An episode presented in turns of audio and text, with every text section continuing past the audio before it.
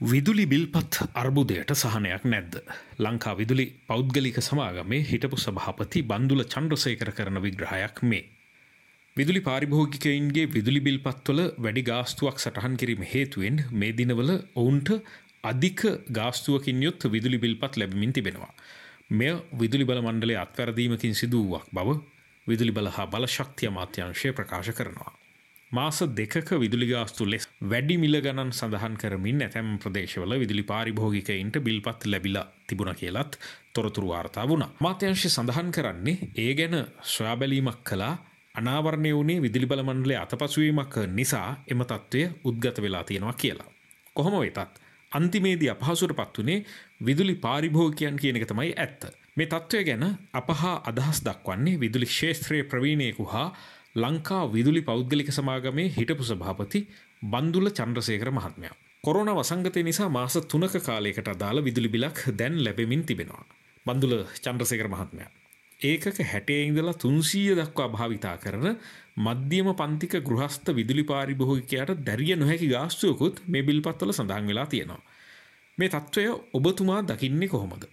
Corona වසංගතය නිසා සාමාන්‍යයෙන් විදුලි පාරිභෝගිකයට සෑම මාසයකදිම ලැබෙන විදුලිබිල මෙවර ලැබිල නෑ. බොහෝවිට මාස කීපයක විදුලිබිල සකස් කරලා එවීමට තමයි විදුලි බල මණ්ඩලය හා ලංකා විදුලි පෞද්ගලික සමාගම උත්සාහ දරන්නේ. දැන් මෙතනදී දැනට දැනුම් දීලා තියෙන පරිදි නම් මීට පෙර විදුලි පාරිභෝගකයා විදුලිය පරිභෝජනය කරපු පදනම් මත විදුලි ගාස්තුව මේ මාස කීපය සඳහා සාමාන්‍ය ගාස්තුවක් විදිහට සකස් කරලා ගණනය කරලා එවන්න බලාපොරොත්තු වෙනවා කියලා සඳහන් වුණා. නමුත් ඊට අමතරව වැඩි විදුලි පරිභෝජනයක් සිද්ධ වෙලා තිබෙනවනං ඒ සඳහත් යම් ගණනය කිරීමක් කිරීමට බලාපොරොත්තු වෙන බව දන්නලා තියෙනවා. කෙසේ වෙතත් අද වෙනකොට විශේෂයෙන් විදුලි බල මණ්ඩලයෙන් විදුලිය ලබාගන්නා පාරිභෝගකයන් වෙත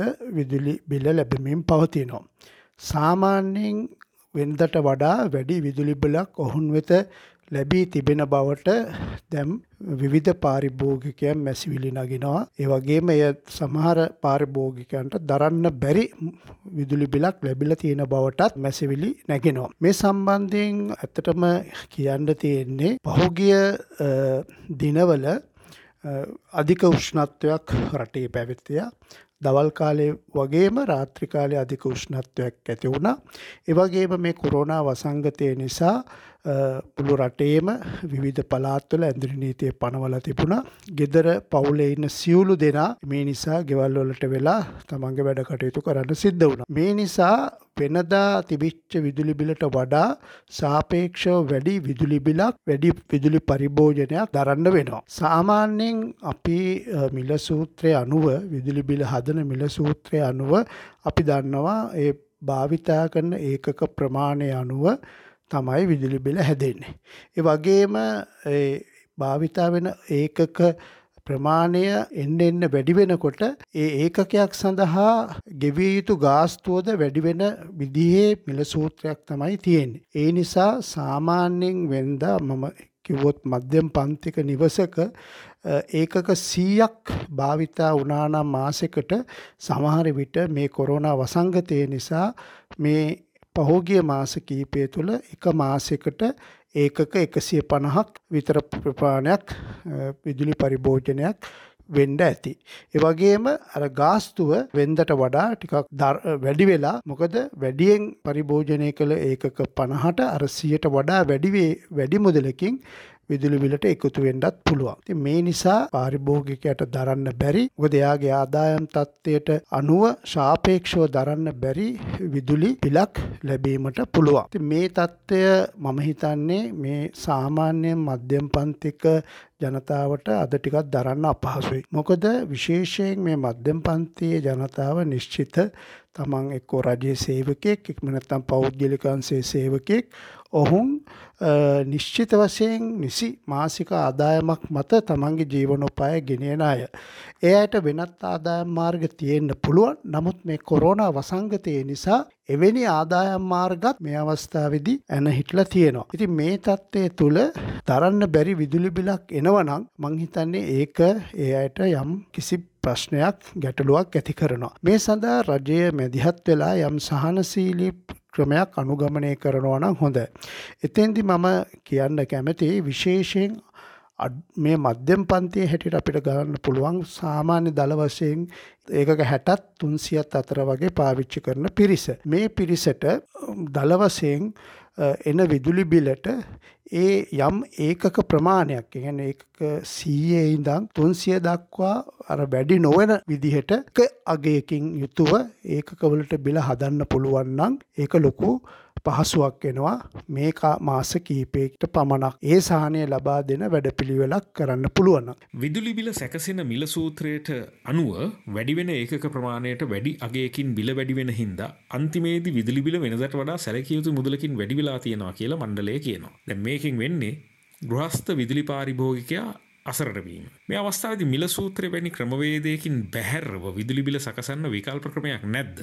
ඒ කියන්නේ පාරිභෝගකයට සානදායි වාරික ක්‍රමයකට හෝ බිල්ගෙවීමට අවස්ථාව දෙන්න බැරිකමක් තියෙනවද. මේක මම හිතන්නේ මහජන උපයෝගතා කොමිසමට දැන්නුවොත් ඔහුන්ට එක කිරීමේ ප්‍රතිපත්ති මේ බලයක් නැහැ ඒක රජය විසින් ඒ සහනය ලබා දෙන බවට දැන්වේ යුතු. ඇතවසයම රජයට මේ සඳහා සහනය ලබා දෙන්න පුළුවන් මොකද පහුගිය මාස කීපය තුළ රතේ ඇතිවෙලා තිබිච්ච තත්ත්වය අනුව කර්මාන්ත වානිජ ආයතන සේවා සපයන ආයතන ක්‍රියාත්මක වුණේ නෑ. ඒ නිසා විදුලිය පරිභෝජනය යම් අඩුවක් ඒ අන්සවල තිබුණ. නිවස්වල විදුලි පරිභෝජනය වැඩි වුණත් අනිත් අන්සවල විදුලි පරිභෝජනය අඩුවක් දකින්න අපිට ලැබුණ. ඒ දකින්න ලැබීම තුළ විදුලි ජනනයත් අඩුවක් ඇති වුණා. ඉතින් ඒ නිසා අර විදුලි ජනනයේ තියෙන අඩුව බොහෝ විට අපිට ජල විදුලියෙන් එහෙම නැත්නම් ගල්ලංගුරු බලාගාරයෙන් මොකද ඒ දෙකින් විතරක් පේ විදුලි ජනනයෙන් සියට හැටක් පමණ ලබාගන්නවා ති ඒ නිසා ඒ අඩු වියදමක් දරන විදුලි ජනන පද්ධතිවලින් විදුලිය ජනනය කලානං අපිට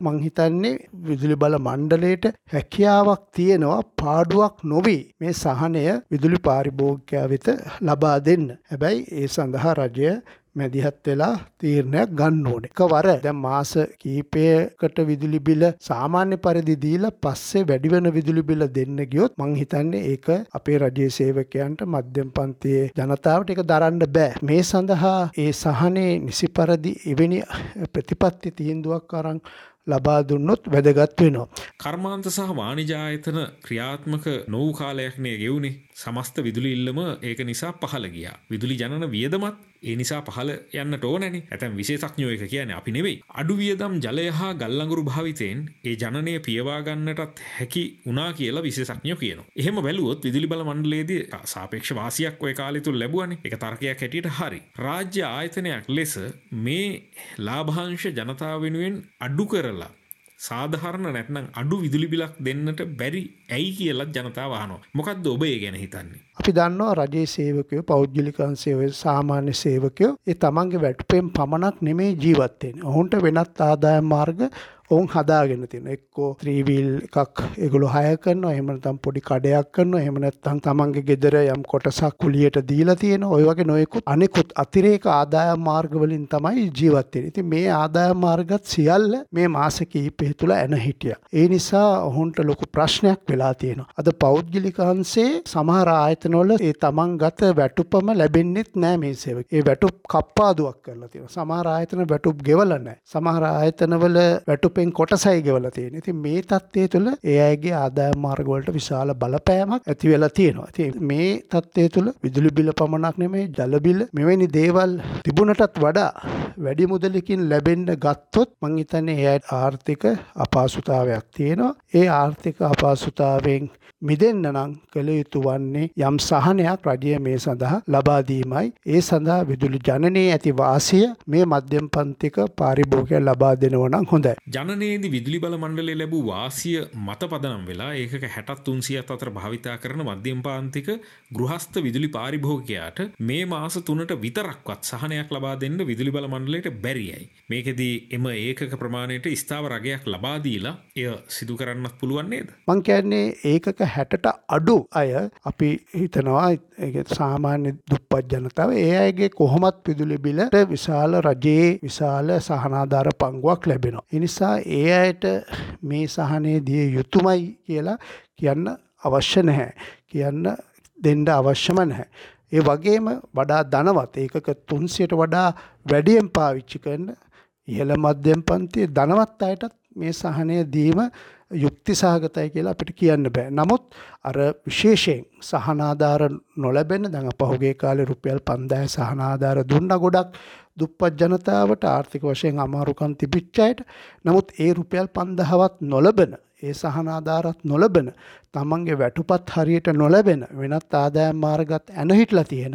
නමුත් මෙවැනි ගෙදර විදුලිබිල ජලබිල වෙන්දටත් වැඩියෙන් දරන් වෙන අය වෙනුවෙන් යම් සහනයක් රජයේ විශේෂ සහනයක් මේ මාස තුන වෙනුවෙන් ලබාදීම යුක්ති සහගතයි කියල තමයි මම හිතන්නේ. ඒ සඳහා මාජ්‍යන උපයෝගිතා කොමිසන් සභාවටත් එවගේම ලංකා විදුලි බල මණ්ඩලයටත් පෞද්ගලික විදුලි සමාගමටත් යම් උපදෙසක් යම් නියෝගයක් රජයේ විසින් ලබා දෙනවනං සුදුසුයි කියන එක තමයි අපිට කියන්න තියෙන. විදුලි බිල්පත් අර්බුදයට සහනයක් නැද්ද. ලංකා විදුලි පෞද්ගලික සමාගමේ හිටපු සභාපති බන්දුල චන්ද්‍රසේකර කරන විග්‍රහයක් මේ.